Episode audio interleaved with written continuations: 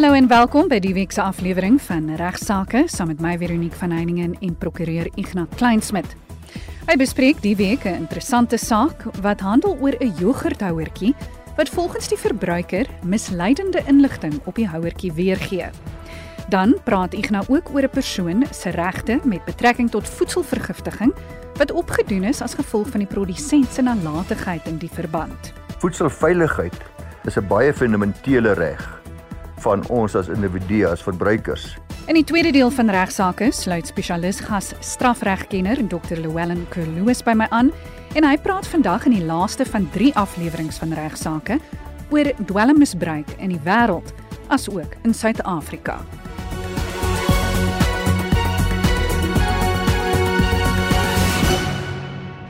Die week begin ons die program met Igna wat praat oor 'n onlangse hofsaak wat handel oor 'n jogurthouertjie wat volgens 'n verbruiker misleidende inligting daarop weergee. Goeiemôre weer eens aan al die luisteraars en wat 'n voorreg om met julle te kan gesels soos altyd. As ek sê luisteraars en RSG, dink mense altyd aan luisteraars in Suid-Afrika, maar jy besef nie altyd hoe ver die tentakels van RSG strek nie want ek het 'n skrywe ontvang 'n e-pos van Jeremy Burgerson. Hy is 'n senior akademiese adviseur by die Universiteit van Minnesota Hy sê die onlangse praatjie oor die Nuremberg verhore baie geniet en dan hy sê 'n klomp dinge oor ons grondwet en die Amerikaanse grondwette en dan sê hy ook dat uh, hy mis nie 'n program nie. Baie baie dankie Jeremy vir jou aangename interessante brief. Dan uh, vandag wil ek 'n bietjie gesels luisteraars oor verbruikersregte en meer spesifiek oor voedselprodukte wat ons koop of wat ons verbruik, wat ons eet. Ek het vir Corlia van Vuren, bekwame jong kandidaat prokureur by Vervel en Duffy gevra om bietjie vir my die onlangse hofsaak waarin Lactalis Suid-Afrika die verskaffers van Parmalat jogurt aanvat nadat 'n verbruiker hulle laafet vrugte koktail jogurt by 'n plaaslike supermark aangekoop het. Nou die verbruiker verduidelik dat hy juis hierdie jogurt gekies het omdat daar in die fynskrif op die voorkant van die Parmalat produk aangedui is dat daar vrugtedeeltjies in die jogurt is. Op die agterkant van die verpakking is verder verwys daarna dat die einste vrugtedeeltjie 6% van die inhoud van hierdie 175 gram jogurt beslaan. Die verbruiker is na sy huis toe en hy die jogurt daar oopgemaak. Het dit later deur 'n sif gegooi om te verdun met water en het minder as 'n halwe teelepel se vrugtedeeltjies in hierdie 175 gram jogurt gevind. Dis heelwat minder as 6%. Die verbruiker het homself toe gewend na die reguleringsraad vir advertensies en teenoor hulle sy misnoo uitgespreek en hulle gevra om stappe te neem. Parmalat het in hulle verdediging gemerk dat hulle gesê dat hulle nie die verbruiker mislei het nie omdat 6% van die inhoud wel inderdaad vrugte is maar dat tydens die produksiefase dit veroorsaak dat verskeie vrugtedeeltjies dan in 'n puree verander. 'n woorde nie meer erkenbaar is nie. Dus sê hulle is die 6% waarna hulle verwys 'n vermenging van vrugtepuree en vrugtedeeltjies. Hierop het die verbruiker geantwoord dat die fynskrif op die produk duidelik sê dat daar slegs 6% vrugtedeeltjies sou wees en niks gepraat het van puree nie en die produsent moet dus aanspreeklik gehou word vir die persepsie wat geskep is vir die verbruiker en kan nie verantwoordelikheid vryspring deur die blote bewering dat die uh, fynskrif slegs 'n tegniese punt is nie. Nou gevolge die kode van die advertensie uh, praktyk, die advertensie praktykskode, die Code of Advertising Practice, moet advertensies of kan advertensies geen verklaring of visuele aanbieding bevat wat direk of direk of indirek deur weglating, dubbelsinnigheid of oordrewe aansprake gebruik om die verbruiker oor die geadverteerde produk op enige wyse te mislei nie. So hierdie reguleringsraad vir advertensies het bevind dat wanneer die verpakking van die spesifieke jogurt holisties beskou word, enige verbruiker dan die verwagting sou hê dat daar meer vrugte, 6% vrugtedeeltjies in die genoemde produk gevind sou word en as gevolg daarvan is daar in Parmalat toe 'n tydperk van 3 maande toegestaan om hulle verpakking te verander met 'n begrip van die voorwaarde dat hulle die vorige verpakking met die foutiewe fynskrif moet ophou produseer. Daar's ook 'n addisionele tydperk aan hulle toegestaan om die produkte wat reeds aan die supermarkte gelewer is te verkoop. Dis dis nie 'n baie ernstige oortreding nie, maar dit moet wat die toekoms betref reggestel word. Nou luisteraars, in ons Suid-Afrikaanse reg is daar wat die verhouding tussen die verbruikers en die produsente betref 'n baie duidelike pro-verbruiker sentiment wanneer ons na ons howe kyk en die regulasies en die advertensieraad.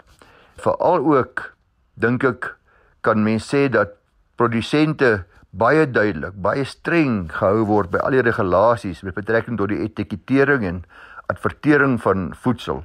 Die publiek kon uh, onlangs kon ons almal in Suid-Afrika kommentaar gelewer het oor 'n stuk nuwe wetgewing wat in die staatskoerant gepubliseer was. Ek weet nie wie van u daaraan aandag gegee het nie en wat ons is almal uitgenooi om onder andere ook die reguleringsraad vir advertensies by te staan om te probeer vermy dat enige misleidende of verwarrende etikettering op verpakkings voorkom want op elke voedseletiket moet daar minstens die naam van 'n produk en 'n addisionele ondersteunende inligting verskyn wat die verbruiker presies in staat stel sel om te weet wat die voedselsoort is.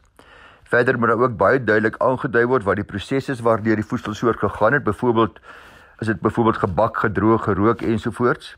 En 'n lys van bestanddele moet baie duidelik aangedui word want dit is ook belangrik dat persone met allergieë gewaarsku word om sekere produkte te vermy.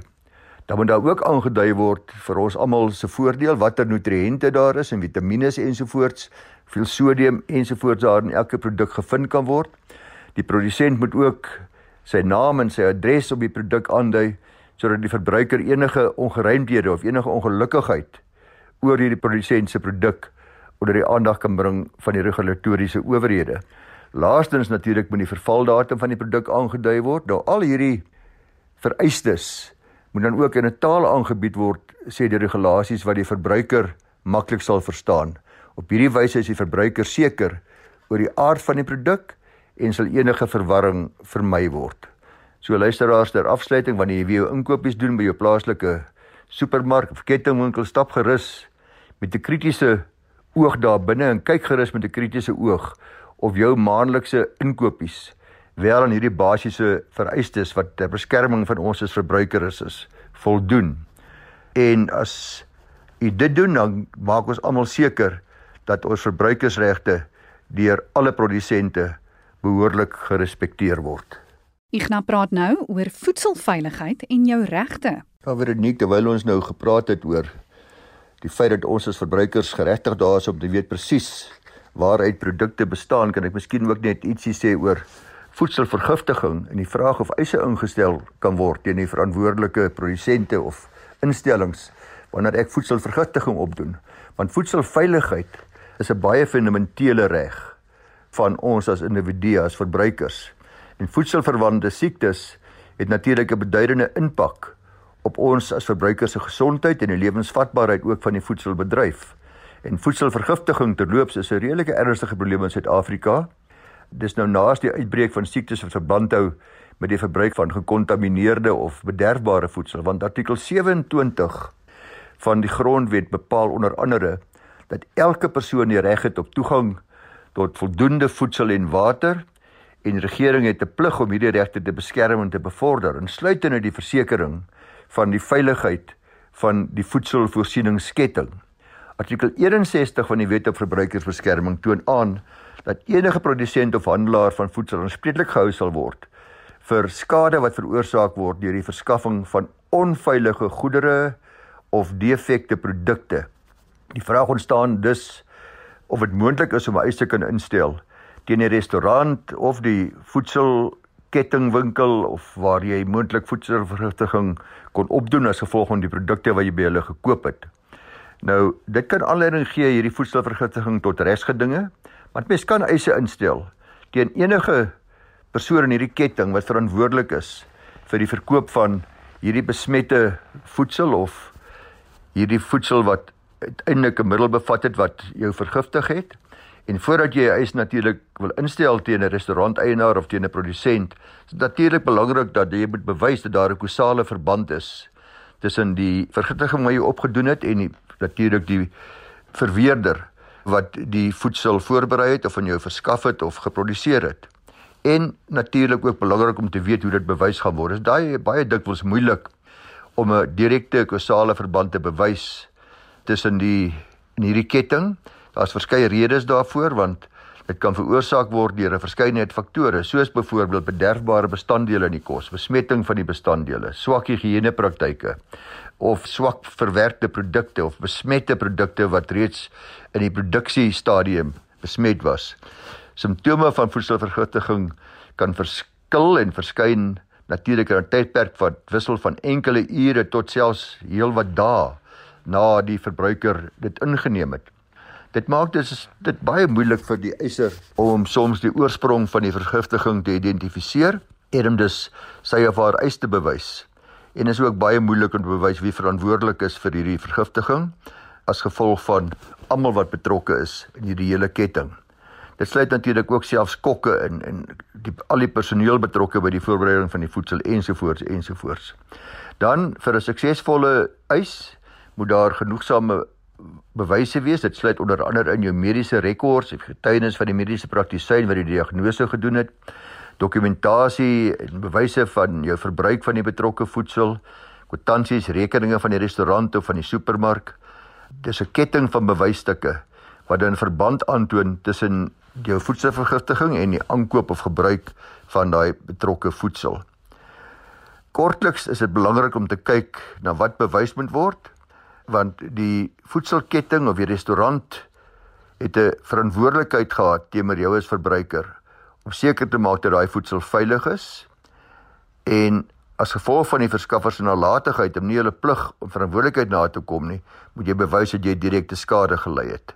En dan moet jy natuurlik bewys wat jou skade is, wat jou vergoeding is wat jy geëis het en hoe dit gekwantifiseer is. Dit is belangrik dan om boek te hou van al jou mediese uitgawes, byvoorbeeld die laboratoriumtoetse se kostes, die hospitaalkoste wat jy al gegaan het, medikasie, doktersbesoeke ensovoorts. Jy sal ook 'n eis vir ekonomiese verlies vir jou inkomste van die dae wat jy nie kon werk nie as gevolg van jou siekte en enige ander finansiële skade wat jy gelei het wat 'n impak gehad het op jou inkomste verdienste.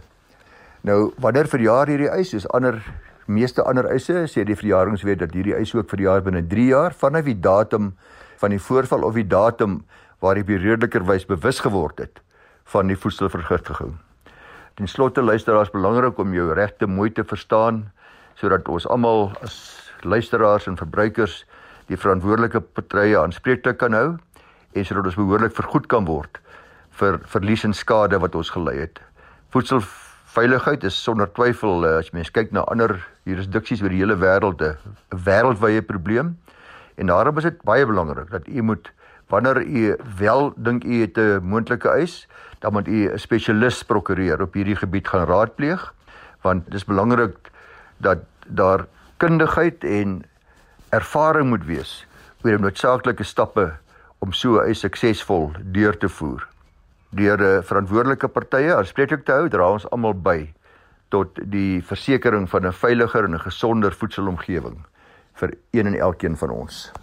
Luisteraars, dis al vanaf my kant vandag. Ek wil net weer 'n keer baie mooi vra, regtig mooi vra dat luisteraars nie vir my lang briewe moet skryf waarin hulle vir my volledige geskiedenis gee van 'n saak wat hulle by betrokke is of was nie, veral nie waar hulle reeds van prokureurs gebruik gemaak het nie of in die regsproses betrokke is nie. Die doel van die program is werklik nie om individuele gratis regsadvies te gee nie. Jas, mense wat selfs my telefoonnommer op 'n manier bekom, ek weet nie hoe nie.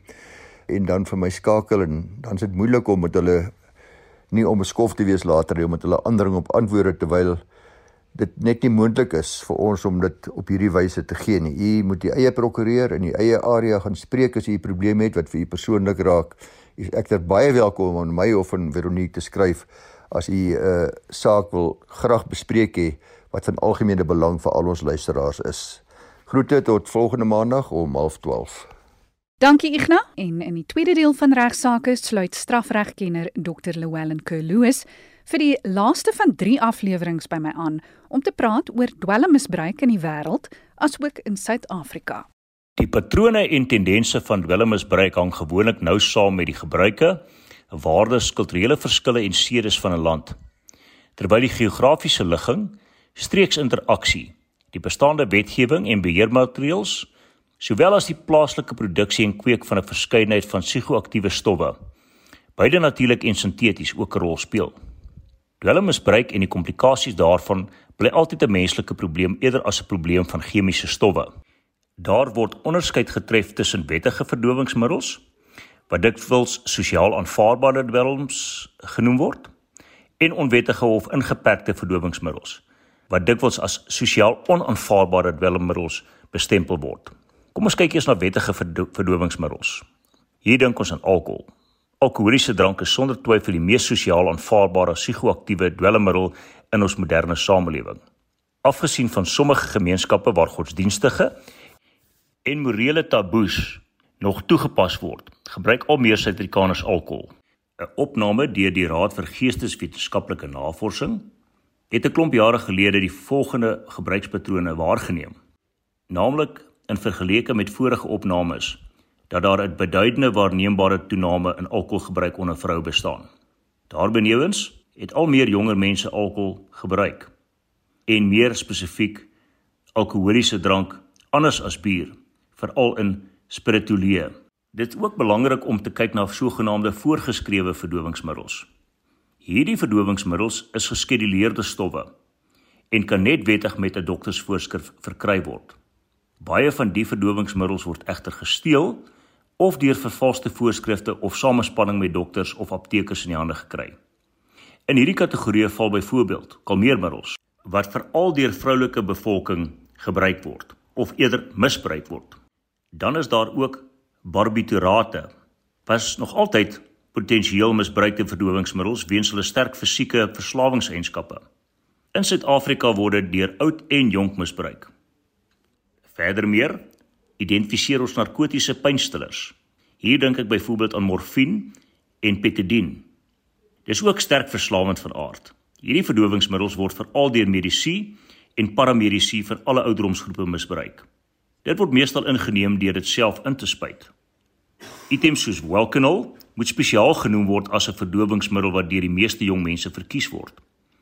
Dit word natuurlik ook meestal self ingespuit.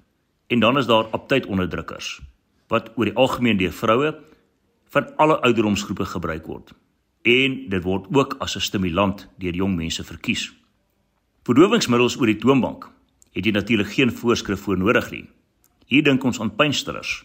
Dit omvat tablette, poeier en kapsules vir hoofpyn, spanning en pyn en word deur alle seksies van die bevolking misbruik. Hier is ook hoesmiddels, hoofsaaklik die wat kodien bevat. Dit word algemeen deur jong mense gebruik hoewel heelwat gevalle onder volwassenes ook voorkom. Dan kry ons amiel of betielnitraat, die sogenaamde poppers. Dit is 'n vasodilator, met ander woorde 'n middel wat bloedvate laat verwyd wat ingeadem word. Dit word mees algemeen in die homoseksuele gemeenskappe van Suid-Afrika misbruik. Huishoudelike middels in hierdie kategorie kom die verskynsel van oplosmiddels wat misbruik word voor. Dit wil sê waar vlugtige stowwe soos gom, wisservloeistof, verfverdunner en tallose middels in spuitkannetjies ingeadem word, gewoonlik deur jeugdiges. In baie gevalle misbruik kinders op laerskool oplosmiddels as 'n prikkel. In Suid-Afrika kom egter ook 'n vreemde verskynsel voor waar baie jong kinders, veral tussen die ouderdom 6 en 12 jaar oud, van die erg veragterde plattelandse en stedelike gemeenskappe gom snuif. Net soos ander lande het Suid-Afrika ook ander metodes ingestel om dwelmmisbruik teen te werk. Alreeds in 1971 is uitvoerige wetgewing bekend as die Wet op die misbruik van afhanklikheidsvormende stowwe en rehabilitasiesentrums aanvaar. Hierdie wet met sy amendemente maak voorsiening vir die oplê van boetes of tronkstraf vir mense wat in besit van geklassifiseerde of ingeperkte dwelms betrap word of wat daarmee handel dryf. Die wet maak ook voorsiening vir die oprigting van behandelings- en rehabilitasiesentrums. Verdere wetgewing is ook ingestel deur die jare op die beheer en verspreiding van alkoholiese drank, voorgeskrewe medikasie en streng beheermaatreëls oor die bestuur van voertuie onder die invloed van drank of ander dwelmmiddels. 'n Nasionale plan ter voorkoming en bestryding van dwelm en alkoholmisbruik in Suid-Afrika is so lank terug as 1988 deur die minister van nasionale gesondheid en bevolkingsontwikkeling, daardie jare Dr. Willie van die Kerk aangekondig. Dit te midde van aanduidings dat die probleem van dwelmmisbruik en dwelmafhanklikheid in Suid-Afrika in ontstellende tempo toeneem. Die uitgangspunt van die plan is die ontwikkeling van 'n lewensomgewing waarbinne individue 'n konstruktiewe lewenstyl kan handhaaf met die klem op die voorkoming van dwelmafhanklikheid. Daar was selfs op 'n stadium 'n komitee van die Nasionale Adviserende Raad oor Rehabilitasie aangeleenthede gestig wat moes aandag skenk aan die inwerkingstelling van hierdie plan. Eens op 'n tyd het die polisie terselfdertyd 'n narkotika tak onder die Suid-Afrikaanse polisie mag gestig wat bekend staan of gestaan het eerder as die Suid-Afrikaanse Narkotika Buro. Die lede van hierdie eenheid het destyds beslag gelê op onwettige dwelmbesendings binne die landsgrense en besendings wat oor die grense heen gesmokkel word. Hulle het onwettige dwelmhandelaars opgespoor, hulle in hegtenis neem, geïdentifiseer en groot daggeplantasies byvoorbeeld vernietig. Hierdie eenheid het noue kontak met internasionale antidwelmeenhede gehandhaaf En hier dink ek byvoorbeeld aan die DEA van Amerika. Hulle het 'n groot rol gespeel in die veldtog teen internasionale dwelmhandel. In teenstelling met die res van die wêreld, is dit nog nie duidelik in Suid-Afrika bewys dat vigsgevalle uitermate toeneem of toegeneem het onder die binneaardse dwelmmisbruikers in die land nie. Ongelukkig word daar heelwat berigte ontvang van die misbruik van anaboliese steroïde deesdae, veral onder tieners wat verkeerdelik meen dat hierdie dwelmmiddel hul voorkoms sal verbeter. Leidens die Suid-Afrikaanse Mediese Tydskrif het die gebruik wat opkikkers en ander verbode middels wat sportprestasie kunsmatig verbeter, sedert die aanvang van die toetsing daarvan in Suid-Afrika afgeneem. Maar sowat een uit elke 16 sportmense gebruik dit tog. In die afgelope klompie jare is verbode middels in die urine van sowat 100 Suid-Afrikaanse sportmense gevind. Die middels wat die meeste deur sportmense gebruik is, is die opkikkers fenkamfamien en efedrin. Maar dit is nou maar eenmal so dat dwelmmisbruik so oud is soos die mensdom self. Ons weet dat die Indiaanstamme van die Andes gebergtes in Sentraal-Amerika kou al langer as 1000 jaar kokeblare wat natuurlik kokain bevat. Ek het van tevore daarop gewys dat daar deesdae ontwerpersdwelms bestaan. Van tyd tot tyd word goedkoop nageboorte dwelms onwettig in Suid-Afrika verhandel. Hierdie naaapsels of copycat dwelms soos wat dit bekend staan het dikwels mediese komplikasies tot gevolg omdat giftige onsuiverhede dikwels gebruik word om die dwelmmiddels goedkoop te vervaardig. Die ware gesofistikeerde ontwerpers dwelms het nog nie tot op hede hulle verskyning regtig in Suid-Afrika gemaak nie. Dit is waarskynlik daaraan toe te skryf dat dit doeteenvoudig te duur is. In die afgelope paar jaar is 'n onwettige dwelmhandel netwerk definitief in Suid-Afrika ontwikkel. Dwelmhandelaars raak al hoe meer gesofistikeerd en het skynbaar kontak met sommige van die oorseese dwelmsyndikaate. Dwelmmisbruik in Suid-Afrika neem dus 'n ernstige omvang aan. Dit blyk duidelik uit statistieke wat deur hulporganisasies vir dwelmmisbruikers en ander antidwelminstansies ingesamel word dat hierdie probleem aan die eskaleer is. In sommige gevalle word daar gereken dat sowat 25% van alle tieners in Suid-Afrika onwettige dwelms gebruik. Die probleem is ook nie net in Suid-Afrika nie, of tot Suid-Afrika beperk nie, maar Afrika word definitief volgens die Wêreldgesondheidsorganisasie toenemend gebruik as basis waarvandaan besendings van die Verre Ooste na teikenlande vervoer kan word. Op dië manier hoop dwelmhandelaars om streng beheermaatreëls op die bekende sogenaamde tradisionele roetes vry te spring. Veral Lagos en Kaïro word genoem as die nuwe dwelmhoofstede van die kontinent. Om te verhinder dat dwelmmisbruik in Suid-Afrika onomkeerbaar hand uitdruk, soos reeds in die geval in baie westerse en Latyns-Amerikaanse lande die geval is, gaan 'n gesamentlike poging van die owerhede en die gemeenskap verg. Baie dankie aan Ignas Kleinsmid van van Velden Duffy Prokureurs in Rustenburg en aan strafregkenner Dr. Llewellyn Kerloos vir hulle bydraes tot vandag se program. Vir enige navrae stuur gerus 'n e-pos na my toe by vero@rsg.co.za. Van my Veronique van Heiningen groete. Tot volgende week.